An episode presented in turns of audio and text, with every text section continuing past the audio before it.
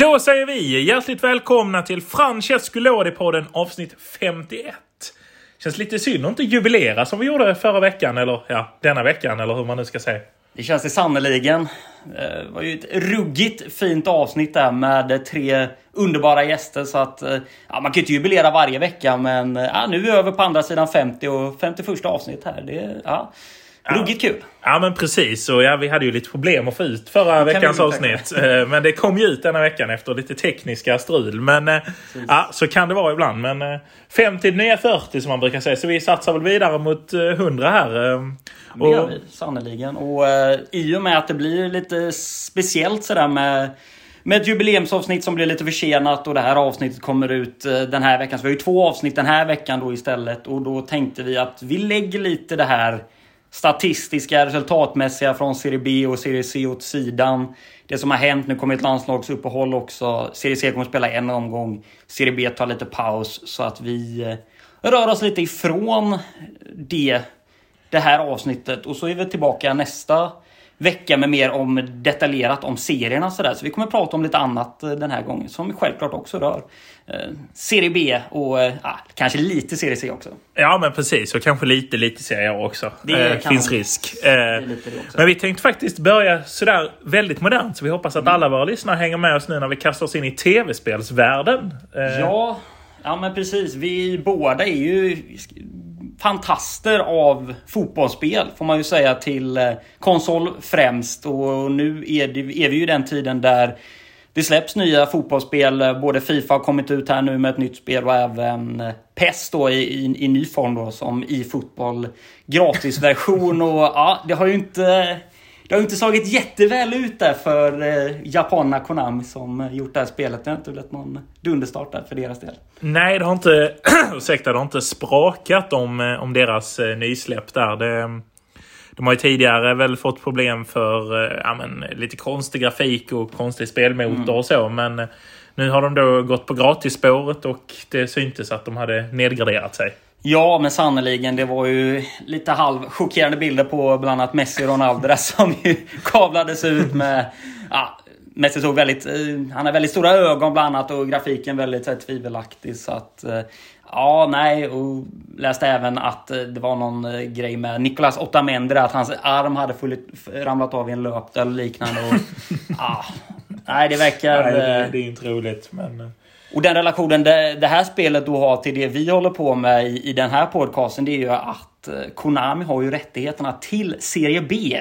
Ja, precis. Vilket är ju en stor besvikelse för oss som eh, då lirar Fifa, kan vi väl avslöja mm. främst. Um, och där vill man ju ofta då lira med, med de italienska lagen. Eller vi vill i varje fall ja, som gillar italiensk fotboll. Och gärna Serie B-lagen. Men um, Nej, där eh, kan man inte spela med CB eftersom de har köpt rättigheterna till hela ligan. Vilket ja. är väldigt tråkigt. Ja, det är ruggigt tråkigt eh, att de har den rättigheten. Och det är ju lite märkligt kan man tycka att man har slagit så stort på att eh, tillförskaffa sig just den rättigheten. Förvisso har man tagit över en del italienska lag från Serie A. Juventus, Roma och sen ju även Lazio och Atalanta nya då för det här året som har exklusiva rättigheter i Konami. Men annars har ju inte PES så mycket exklusiva ligor där. Där har man väl brasilianska Serie A.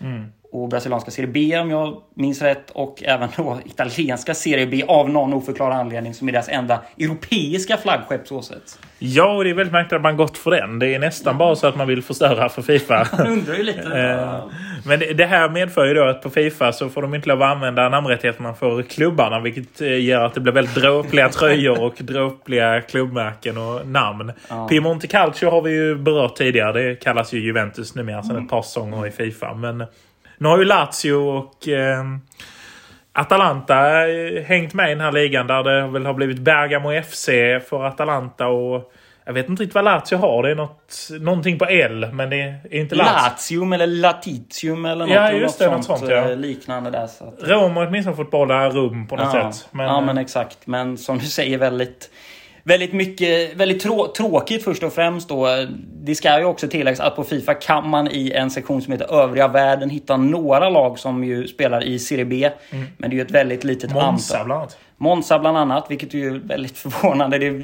pratade vi om förra året när vi gjorde den här hur Monza liksom fått fått sin plats i spelet. Ja, det är, ja, det är väl Galliani och Berlusconi som ja, är där. Ja, men precis. Det är väl de som har ryckt det lite lite trådar sådär. För annars brukar det ju vara lag som eh, har spelat i Serie A tidigare mm. och som har någon eh, som, som helt enkelt har åkt ur och då har man kvar rättigheterna kanske i två säsonger antar jag att det funkar på det sättet. Precis. Parma är ju kvar nu till exempel. Parma är ju kvar. Vi har ju även Benevento då som åkte mm. ut. Crotone som ju faktiskt är kvar trots att de eh, även låg i Serie B förra säsongen. Mm. Så att det är några kvar där men... De är bra på att förhandla nere i Kalabrien. Det är de. Det är de. Men eh, två lag som till exempel fanns med förra året på Fifa 21 eh, Frosinone och Brescia är ju borta och det är ju väldigt tråkigt. Jag brukar ju spela väldigt mycket med Brescia för de få som bryr sig om det. Men, ja, precis.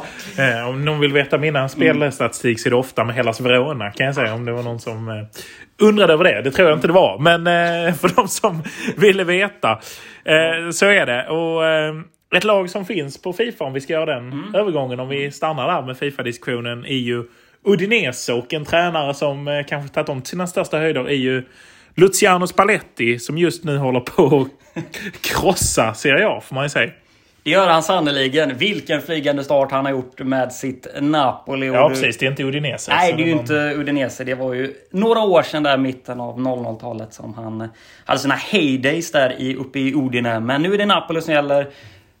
Alla matcher är vunna hittills och ja, han går på landslagsuppehåll eh, som ja, en ruggigt glad man antar man. Ja, ska Simone Inzaghi, Stefano Pioli och Mr Max eh, vara oroliga här för Spalletti eller vad säger du? Ja, det tror jag sannerligen. Jag tror att eh, med den också historien han har i Serie A som en väldigt välmeriterad tränare kan väl också nästan flika in det att han är ju, tycker jag i alla fall, väldigt underskattad. Jag vet inte om du håller med mig om det? Jo, absolut. Och man underskattar själv honom ofta, tycker jag. Att man hänfaller till att man känner att han är trött och man tänker att ja, han är väl över 60. Det har man mm. tänkt de senaste 10 åren. Men det är ju först nu han prickar in på 62. Men eh, Alltså man underskattar han hela tiden och han gör ju faktiskt precis det som väntas av honom. Den typen av resultat som ska ske. Och i det här fallet har det ju gått ännu bättre än vad man trodde innan. Ja, men verkligen. Det var väl väldigt få som kunde förutse att det skulle flyga så här bra. Och de har även mött på ganska svårt motstånd här i början av säsongen med bland annat Juventus då. Så att, eh, nej, det är en överraskning. Och det man kan säga om Spalletti för övrigt är väl att han är den här eh, ja, men nästan nidbilden av en klassisk italiensk tränare som verkligen gått hela den här långa vägen och gjort det på ett väldigt italienskt sätt. Och ja, han tog ju start någon gång där 93-94 med Empoli där han eh, fick någon sparkning tidigt också. Men framförallt där han gjorde ett, eh, ett otroligt jobb där han väl eh, tog dem från Serie C1 hela vägen upp i Serie A.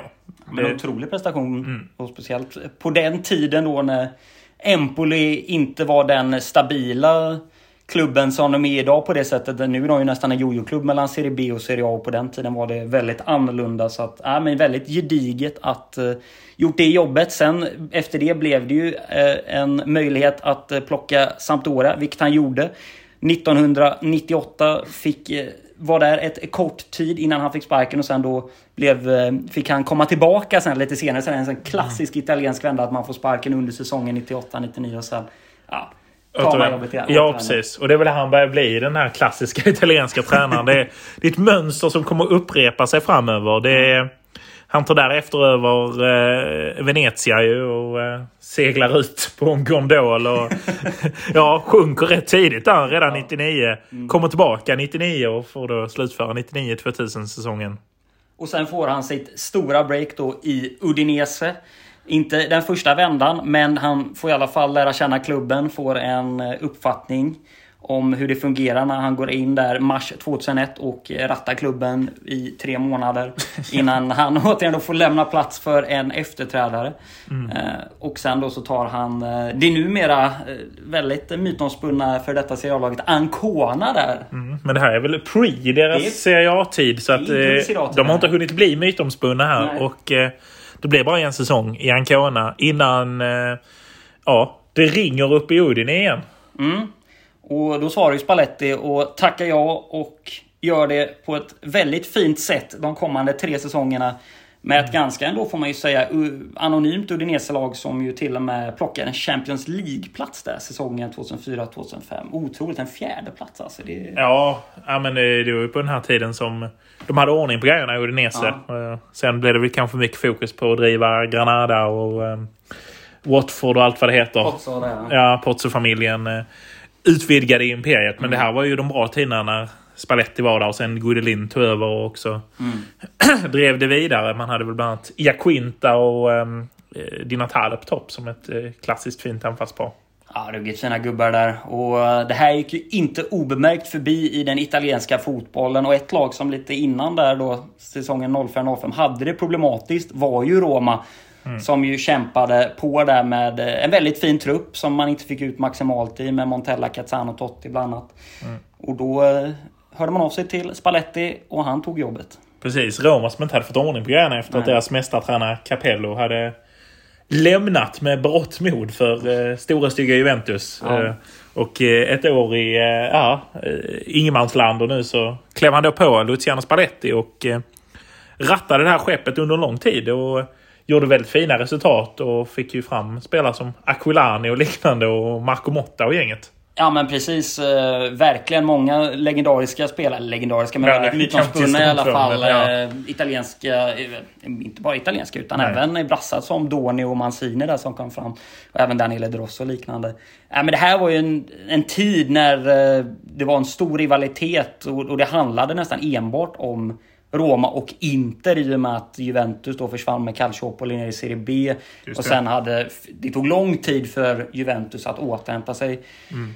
Från det helt enkelt och Roma och Inter fightades ju ganska tätt om de där ligatitlarna fram där till säsongen 10-11 eh, då när eh, Juventus började få ordning på grejerna och speciellt Milan då också började komma mm. in i matchen lite mer där. Och det var ju några Kanske helt enkelt att Max Allegri klev in i handlingarna ja. om man ska säga så. Ja, men en, några riktigt häftiga år där, där det blev en eh, väldigt väldigt djup rivalitet mellan just Roma och Inter. Mm. Det var ju även ett flertal kuppfinaler mellan lagen på den tiden när man spelade två cupfinalsmatcher där och där det var lite segrar åt höger och åt vänster. Några Roma-segrar, några inte segrar. Men i ligan så fick ju Spalletti ofta se sig som tvåa. Mm. Och det var eh, Mourinhos och även Mancinis eh, främst då. Inter mm. som vann de där ligatitlarna de åren. Det var också en guldålder för Inter främst där. Så, ja. Ja. Han ska väl också krediteras för att flytta upp Totti på topp och inte köra mm. honom i en offensiv mittfältsroll som hade gjort mycket under 2000-talet annars innan. Eh, men han får ju sparken där under hösten 2009. En säsong som jag har blivit klassiskt när de fightade sina in i kaklet med Inter. Mm. Ju, eh, Ranieri och Lucatoni och gänget. Ja. ja. Ja. men en fin säsong. Men då fick han tyvärr lämna och då eh, gjorde han den chockerande flytten och tog sitt pick och pack och eh, gick inte som Pet Shop Boys West som man brukar sjunga nere på Stadio Diego Armando Maradona. Utan han gick österut och hamnade i Sankt Petersburg. Jajamän, det blev Zenit. Och eh, några fina år där, fem stycken med flera titlar och även en italiensk prägel på laget. Det tillkom ju mm. sen italienska spelare. I form av bland annat Mimo Crescito och även din, en av dina favoritspelare där, Marquisio som ju Just det. kom in i klubben. Precis, det var väl dock efter Det var efter den, men, men det satte även en prägel Absolut. på det. Även, jag vet inte om det var... Mancini var väl inne Ja, Mancini var inne och smurade också. Mm. Och, vi fick ändå se en del italienska spelare i den ryska ligan. Jag vet att Salvatore Buchetti var ju också där i, oh ja. i Spartak Moskva, tror jag, en sväng och så. Nej, men eh, som sagt, eh, fina år i Ryssland med Champions League-spel och titlar och ja, en hel del annat innan då sparken kom där, mm. som den ju ibland gör. Det, det, det är ju sånt som händer inom fotbollen och även inom den ryska fotbollen. Trots att mm. man har en, en sån tränare som Spalletti så visste man att kulorna fanns ändå i Sankt Petersburg. Mm. Hade också vunnit en fin Uefa-cup där innan, där 2008 då, som man ju också fick in lite deg från ja. utöver det här fina avtalet för deras del med Gazprom då, som genererat en del pengar. Men ja, sparken 10 mars 2014 och då blev det en Retorno. Ja, det... Inte riktigt då, men lite Nej, det tog, eh, tog några år. Men sen så klev han in i Roma när de kallade igen efter att Rudi Garcia efter en fin session hade fått lämna till sist. Eh, och, och de, alltså, han var ju Spalletti bara där i mm. en och en halv säsong ungefär. Mm. Men det kändes ju nästan som det var två och en halv säsong i och med allt som pågick under den här perioden med Totti först och främst ja. och hans avsked från klubben och den här mm. illviljan att spela Totti och fansens påtryckningar och liknande. Det var ju ja. ett, nästan ett krig Ja, men det var det ju. Olympico på den här tiden. Och ingen kan ju säga någonting om resultaten han gjorde där. Men däremot så blev det ju ett krig mellan honom och Totti. Och det, det blir ju inte snyggt. Och det Nej. blev lite sorgligt eftersom de hade en sån god relation innan. Eller god, men de hade åtminstone gjort fina resultat ihop tidigare. Mm, så det var väldigt tråkigt. Sen blev det ju en sväng till eh, Inter i eh, Milano. Och eh, Ja men där gjorde han väl eh, precis det han skulle göra under de två åren. Stabilisera klubben lite. Ja precis. Och det var ju också här då, lite som du är inne på, som han eh, fick upp den här trenden med att, eh, ja, som han även hade i tidigare klubben, med att föra lag till Champions League. Som han hade gjort med Roma och som han nu även gjorde med Inter efter flertalets år uppehåll från den finaste av turneringar så fixade Spalletti den biffen med laget och ja, efter två säsonger så Fick han också sparken i mm. slutet av säsongen 2019 där och har sen dess inte haft något gig fram tills nu. Nej, och då tog han över efter Gattuso i Neapel och ja, det svänger igen om De Laurentis Napoli.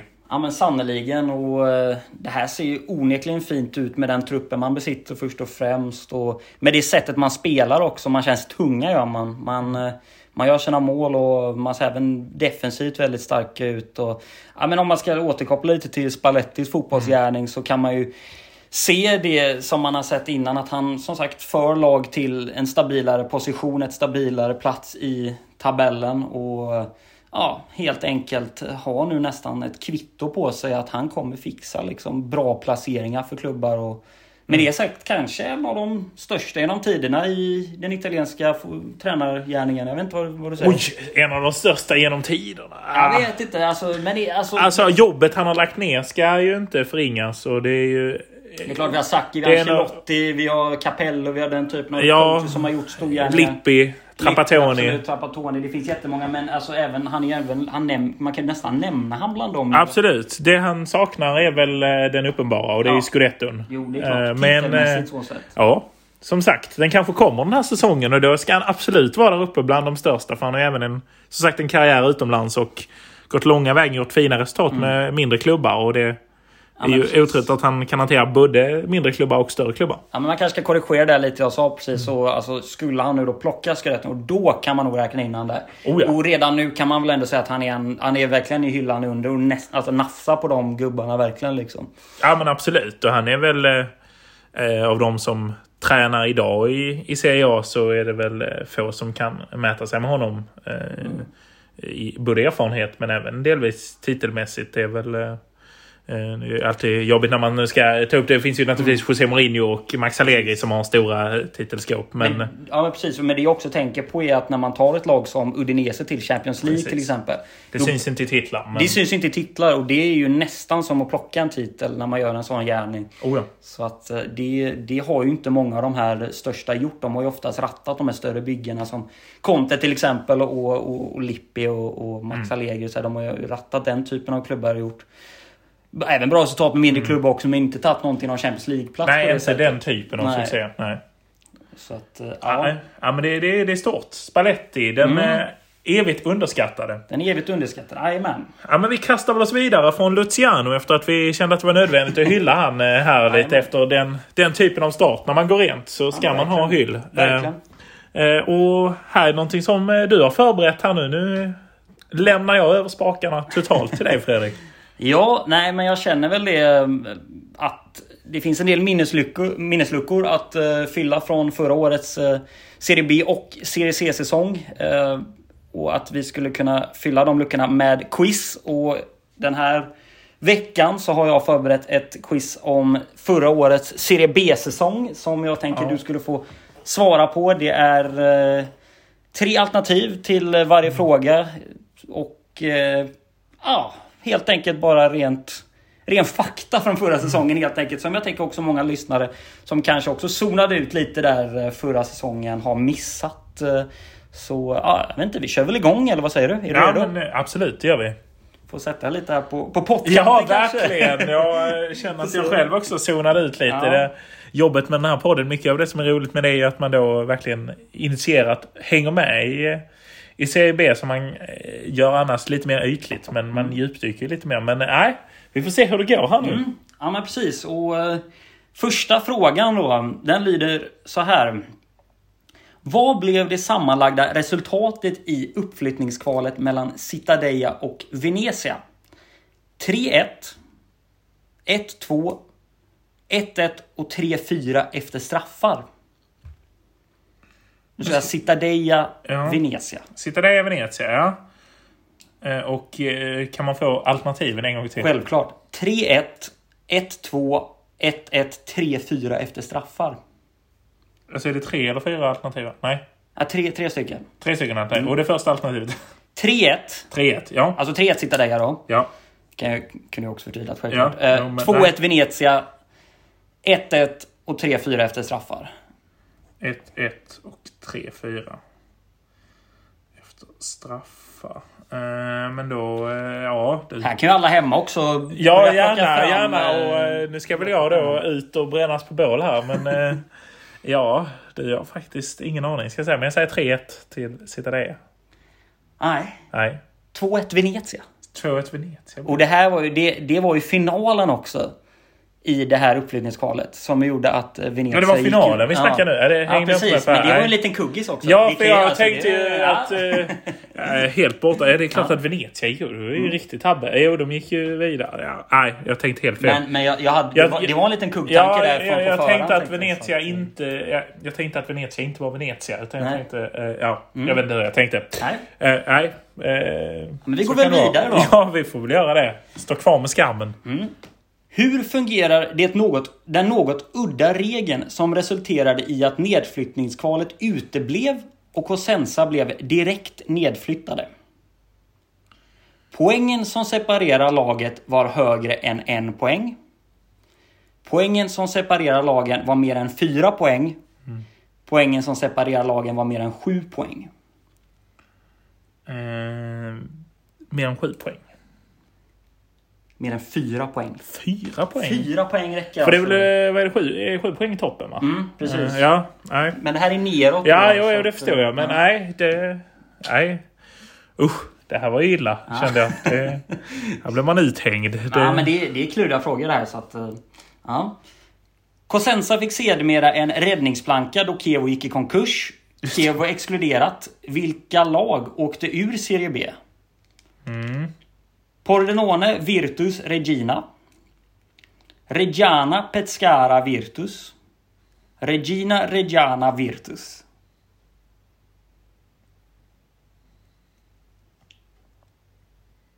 Du kan ju börja tänka på vilka lag du, du tänkte mm. åkte ut och, och skriva ner dem sådär. Ja, ska vi se. Jag håller en mikrofon för er som inte tittar, vilket ni naturligtvis inte gör med högerhanden. Ja, annars jag ska anteckna. Det ska sägas att det, det, är inte den lättaste konsten här. Oh, ja, nu, ja, jag känner mig så bra. Men det är nästan bättre om man chansar tidigare för annars så tänker man för mycket så blir det så uppenbart att man inte kan det. Så att mm. eh, eh säger eh, Virtus Pescara och Reggiana. Det är rätt. Ja, tur det. Snyggt. Snyggt. Mm. Det är lite svårt där. Regina, Regina. Ja, ja precis. Ja. Men Regina kände jag att de, de löste det. Mm. Ja, men Pescara efter, efter flera år även i Serie A nyligen. Numera i Serie C då alltså. Medan eh, nykomlingar där i form av Virtus även Reggiana då. Just det. Fick se sig eh, nedgraderade till Serie C. Vem blev skyttekung, Capocaniere i Serie B säsongen 2021? Massimo Corda Lecce Riccardo Meggiorini Vicenza Leonardo Mancuso Empoli. Ja... Eh, känslan är ju att det borde vara Mancuso. Men eh, så jag får väl dra det chansningen som förmodligen är fel då. Ja, det är tyvärr fel. Det är Massimo Corda. Ja, han det undrar ändå så många. Det, det trodde man inte för ett par år sedan nej. att han hade det i sig. Men eh, nej. Han, han var vass där ska ja. sägas. Att, Medjurini gör inte många mål. Medjurini var långt ner i skytteligan. Ja. Sju mål liknande. Mancuso var ju tätt full där. Kåda ja. var väl på 21 mål liknande. Mm. Men Mancuso gjorde också en, en stark säsong där när Empoli gick upp. Ja. Mm. Massimo Kåda. vi har ju varit, det här är en fråga som mm. är inne lite mer på det här som vi varit inne mycket på med tränarkarusellen mm. i Serie B. Att Brescia snurrade på många tränare förra säsongen var ju en följetong som vi tog upp mycket här i podden. Mm. Hur många vände blev det innan Pep Clotet Pep Clotet ledde laget säsongen ut, spanjorerna. Pep Clotet. Mm. Blev det åtta? Blev det nio? Eller blev det tio vändor med olika tränare? Åtta, nio, tio... Ja. vad, vad har vi för runda? Del ner inledde ju detta spektakel. Eh, Pep Clotet Ruiz också. Och då räknar jag korta interim... Per, mm. alltså, ja, jag förstår det. Med även stab... Ja, men jag säger nio gånger. Ja, det är nästan rätt. Det hade det varit på alla. Men det är tio är det till och med. Det är tio, det är tio vändor. Ja. ja det, det blev en herrans massa vändor. Ja, det får man ju säga. Efter den ner bland annat eh, mm. Gastadero och Clotet och ja, lite andra lirare. Då ska vi se. Vilket lag vann Serie B förra säsongen? Var det då Venezia, eller var det Empoli, eller var det Spal? Eh, det var väl eh, Empoli helt enkelt. Eller Empoli. Eh, Jajamän. Vill jag vara tydlig med. Toscana-laget där vann ju serien. Ja, precis. Ganska... Spall, Spall gick ju inte upp, ska Spall vi säga. gick inte upp heller, så det var ju mer att verkligen känna att... Ja. och Venezia, om vi hängde med i frågan i början så var den... Eh... Ja. Usch, ja, det var ju tur jag inte gjorde bort mig på den åtminstone. Nej, sen gick även Salernitana upp också, ska väl ja, precis. Också Ja, jag känner mig lite som Janne Josefsson i Alla mot alla nej, just nu. Nej, nej, nej, nej. Men det är klurigt där och ja. förra säsongen absolut, det finns många minnesluckor att fylla helt enkelt. Så vi, vi gör väl det här då. Nu kommer en, eh, en lite mer längre fråga här, lite mer utförlig så att uh, du gör blocken mm. redo, även du här Lukas då. Ja, ja mm. men absolut. Jag ska switcha hand då. Yes. Några riktigt tunga tränarnamn och för detta spelare rattade klubbar i Serie B förra säsongen. Här vill jag att du och ni då parar ihop rätt coach med rätt lag under säsongen. Det kan då vara två namn på en klubb till exempel. Och då har vi klubbar som, som jag vill då att man ska para med. Det är Frosinone. Mm. Yes. Det är Brescia. Ja. Det är Salernitana.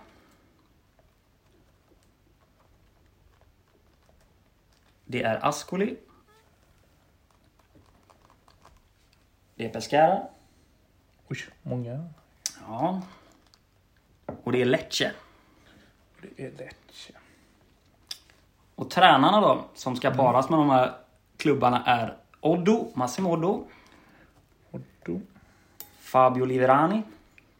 Liverani, just det. Alessandro Nesta. Nästa. Delio Rossi. Mäktiga Delio Rossi. Mäktiga Delio Rossi, jajamän. Giampiero Ventura. Just det. Och de här ska ha tränat eh, mm, under förra säsongen. Ja. Fabio Grosso. Grande. Daniele Gastadello.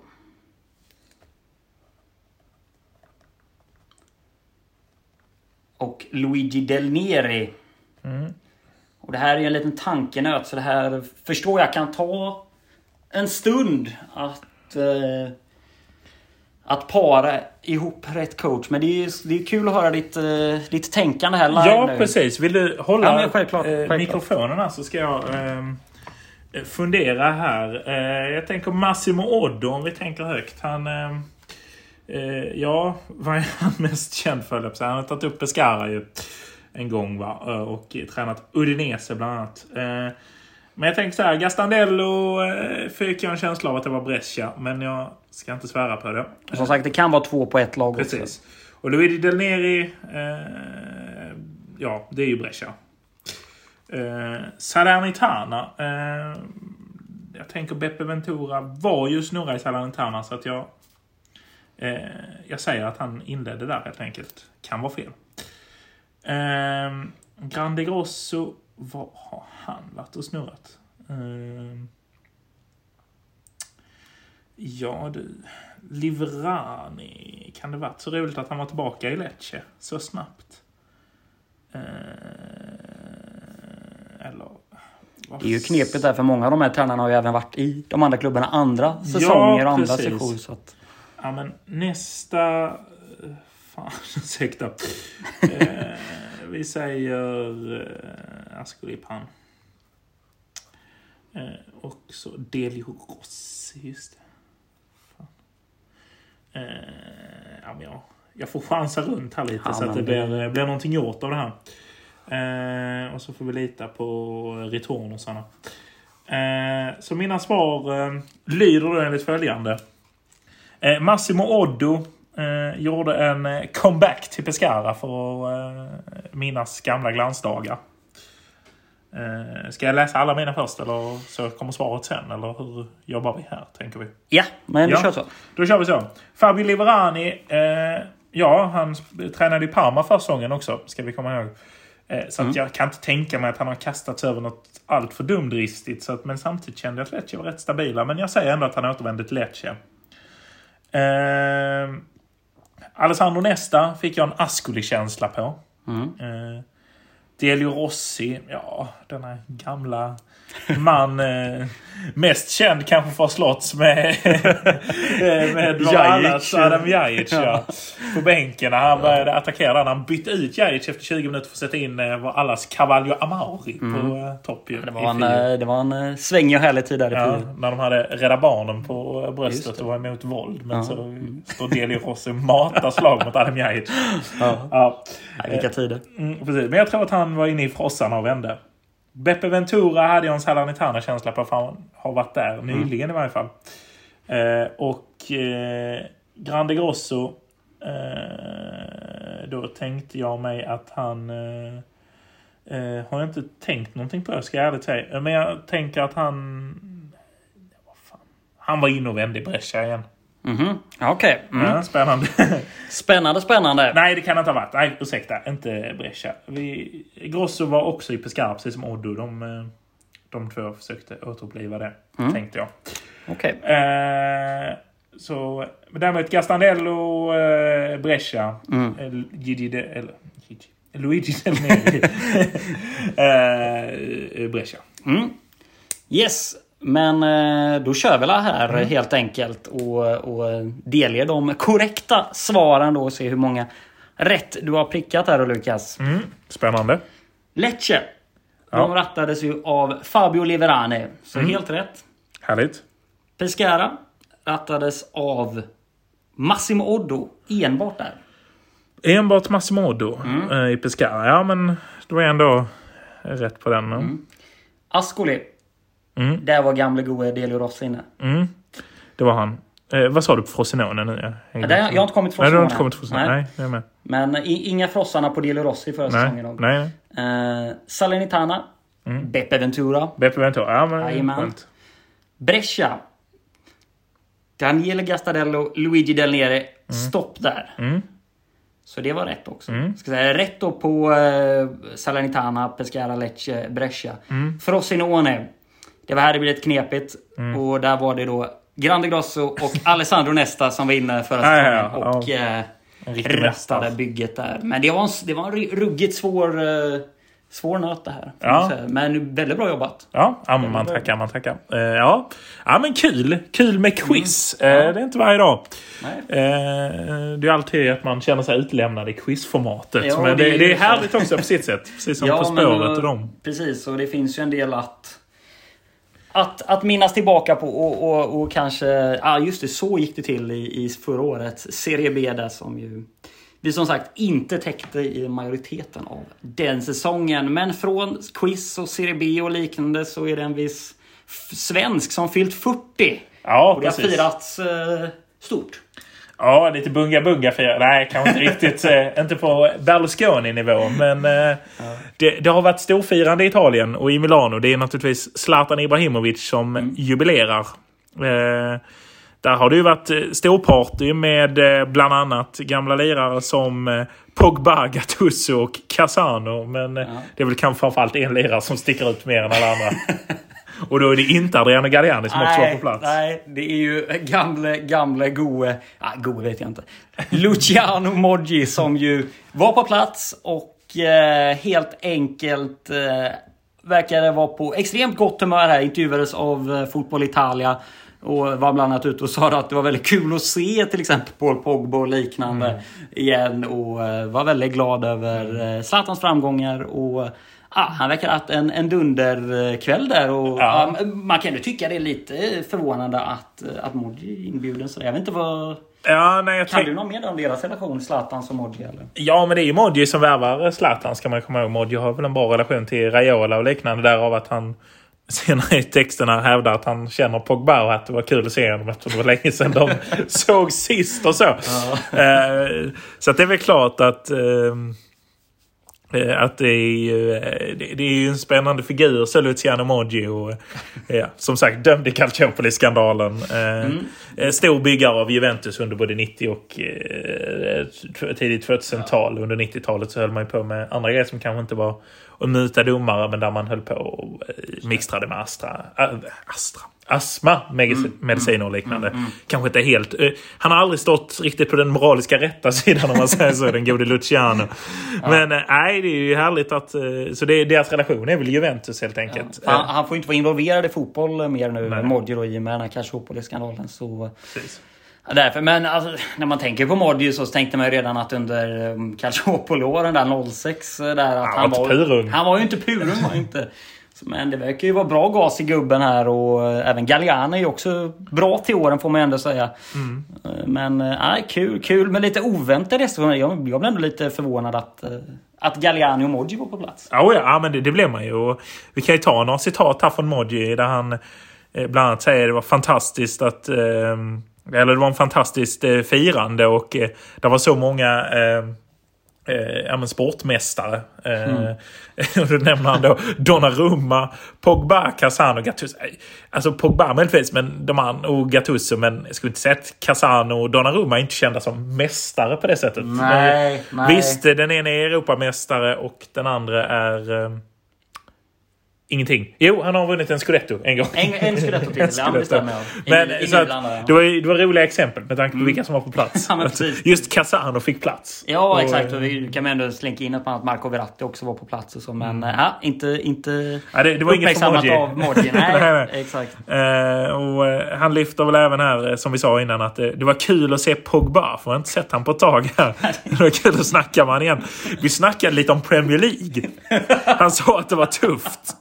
Men Manchester United eh, har ett bra lag och Cristiano Ronaldos ankomst kan eh, påverka situationen på ett positivt sätt tror Luciano. Ja, det, är ju, det är ju härliga citat. Det känns som han är väldigt positiv Modji här. Och känns som han nästan har suktat efter den här typen av sammanhang på flera år. Att, ja. ja. Och eh, sen så avslutningsvis så vill han ju då eh, ja, men, eh, säga vad, vad hans känsla var kring Zlatan. Hur Zlatan upplevde det här surprise-överrasknings... Mm. Surprise-överraskning, samma sak. Men överraskningsfesten som eh, väl Helena Seger ska ha hållit i här idag mm. på mm. Hyatt Hotel i Milano. Fina grejer. Ja. Och då, eh, nu orkar jag inte översätta så nu läser jag på den engelska översättningen från mm. italienska ja, här. Men eh, då blir det He wasn't remotely emotional. Maybe he was inside. But on the outside it was the same old Zlatan. Zlatan knows what he has to do. Whether he's 30 years old, 40 or 50. Jag vet inte riktigt hur han tänker att att hans lugn hade med att göra med han vet vad han ska göra. Så, kan man dåligt översätta Fotboll Italia ska vi säga. Men, eh, för att jag tycker inte riktigt citatet hänger ihop med, med det som sägs innan. Men, eh, men det, ja, det är ja. vad ska man säga? Och, men ja. lite känslor från Zlatan enligt Modji. Ja, ja, men det är klart. Eh, ja, men Zlatan, det man har sett från den här festen och det generella firandet även där på Milanello där när han får den här gigantiska tårtan där. Och det är väl att han mest ser nöjd och glad ut egentligen. Inget mm. överdrivet. Det verkar inte vara liksom...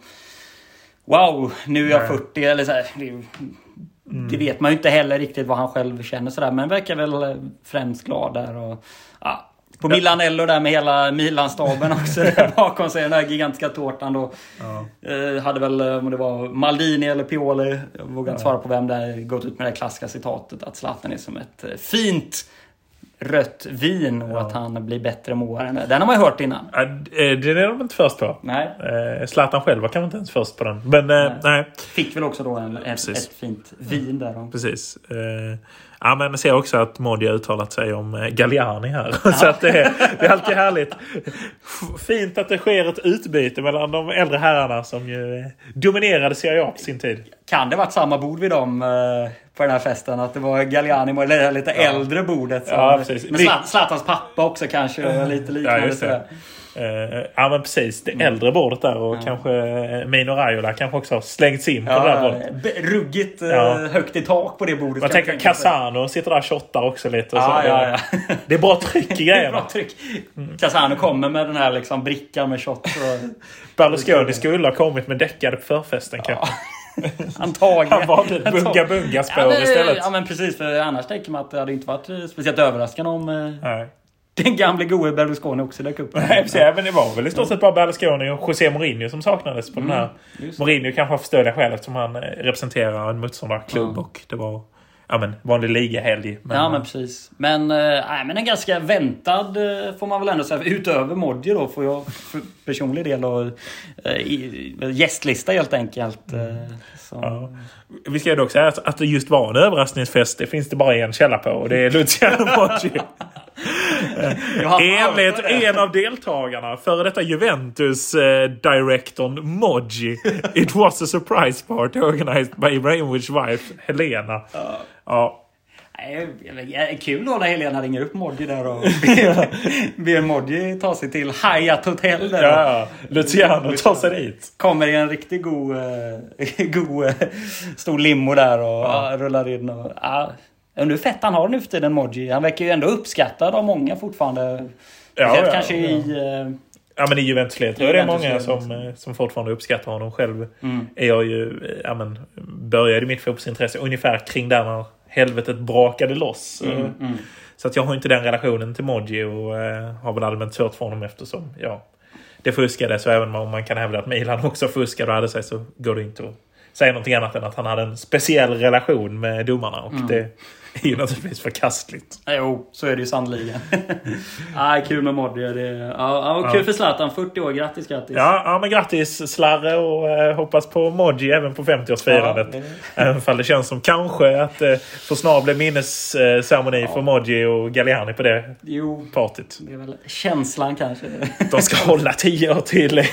Tufft. Ja. ja, vi får la se. Vi får la se. Ja, vi håller tummarna. Vi håller tummarna, det gör vi sannolikt. Ja. Ja men på den eh, noten så kanske vi eh, är nöjda för idag. Det blir ett ganska långt avsnitt här med både quiz och eh, ja, bredde ut sig på slutet.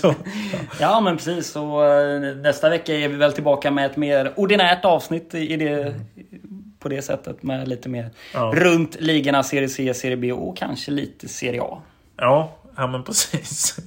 Sitta och titta på bilden här nu med Zlatans jättetårta. Det är, det är ett gott gäng som har samlat upp sig här. Sannerligen. Och det är många gamla... Några sjukvårdare som får trycka ut ja, ja, men det, väl, det, känns som hela Milanella är liksom utrymt som när det är ett brandlarm nästan. Ja, ja. Hela liksom... Oh, ja. Från liksom från kökspersonalen då till, eh, till sjukvårdare och, och till eh, ja, mm. Gamla profiler som bland annat... Det är snart är lite få spelare nästan.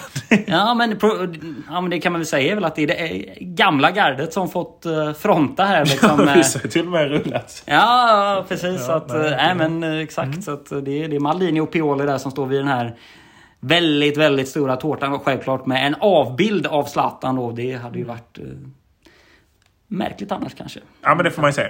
Ja, men med de orden så eh, tackar vi väl för oss. Mm, eh, följ oss gärna på Instagram och Twitter för att inte missa någon info eller något avsnitt. Mm. Eh, ett Lådipodden är det som gäller där. Jajamän. Och eh, vill du skicka något mail så funkar det bäst på lådipodden gmail.com. Ja, men precis. Och eh, ja, men med det så säger vi väl eh, ciao, ciao. Ciao, ciao. Je m'appelle Zlatan. Det är franska. Det betyder det är jag som är Zlatan. Nej men de säger det är dags att pensionera Zlatan nu. Men de vet inte att Zlatan är som ett franskt vin. För varje år som går blir jag bättre. Och dyrare, och dyrare, och dyrare. Absolut.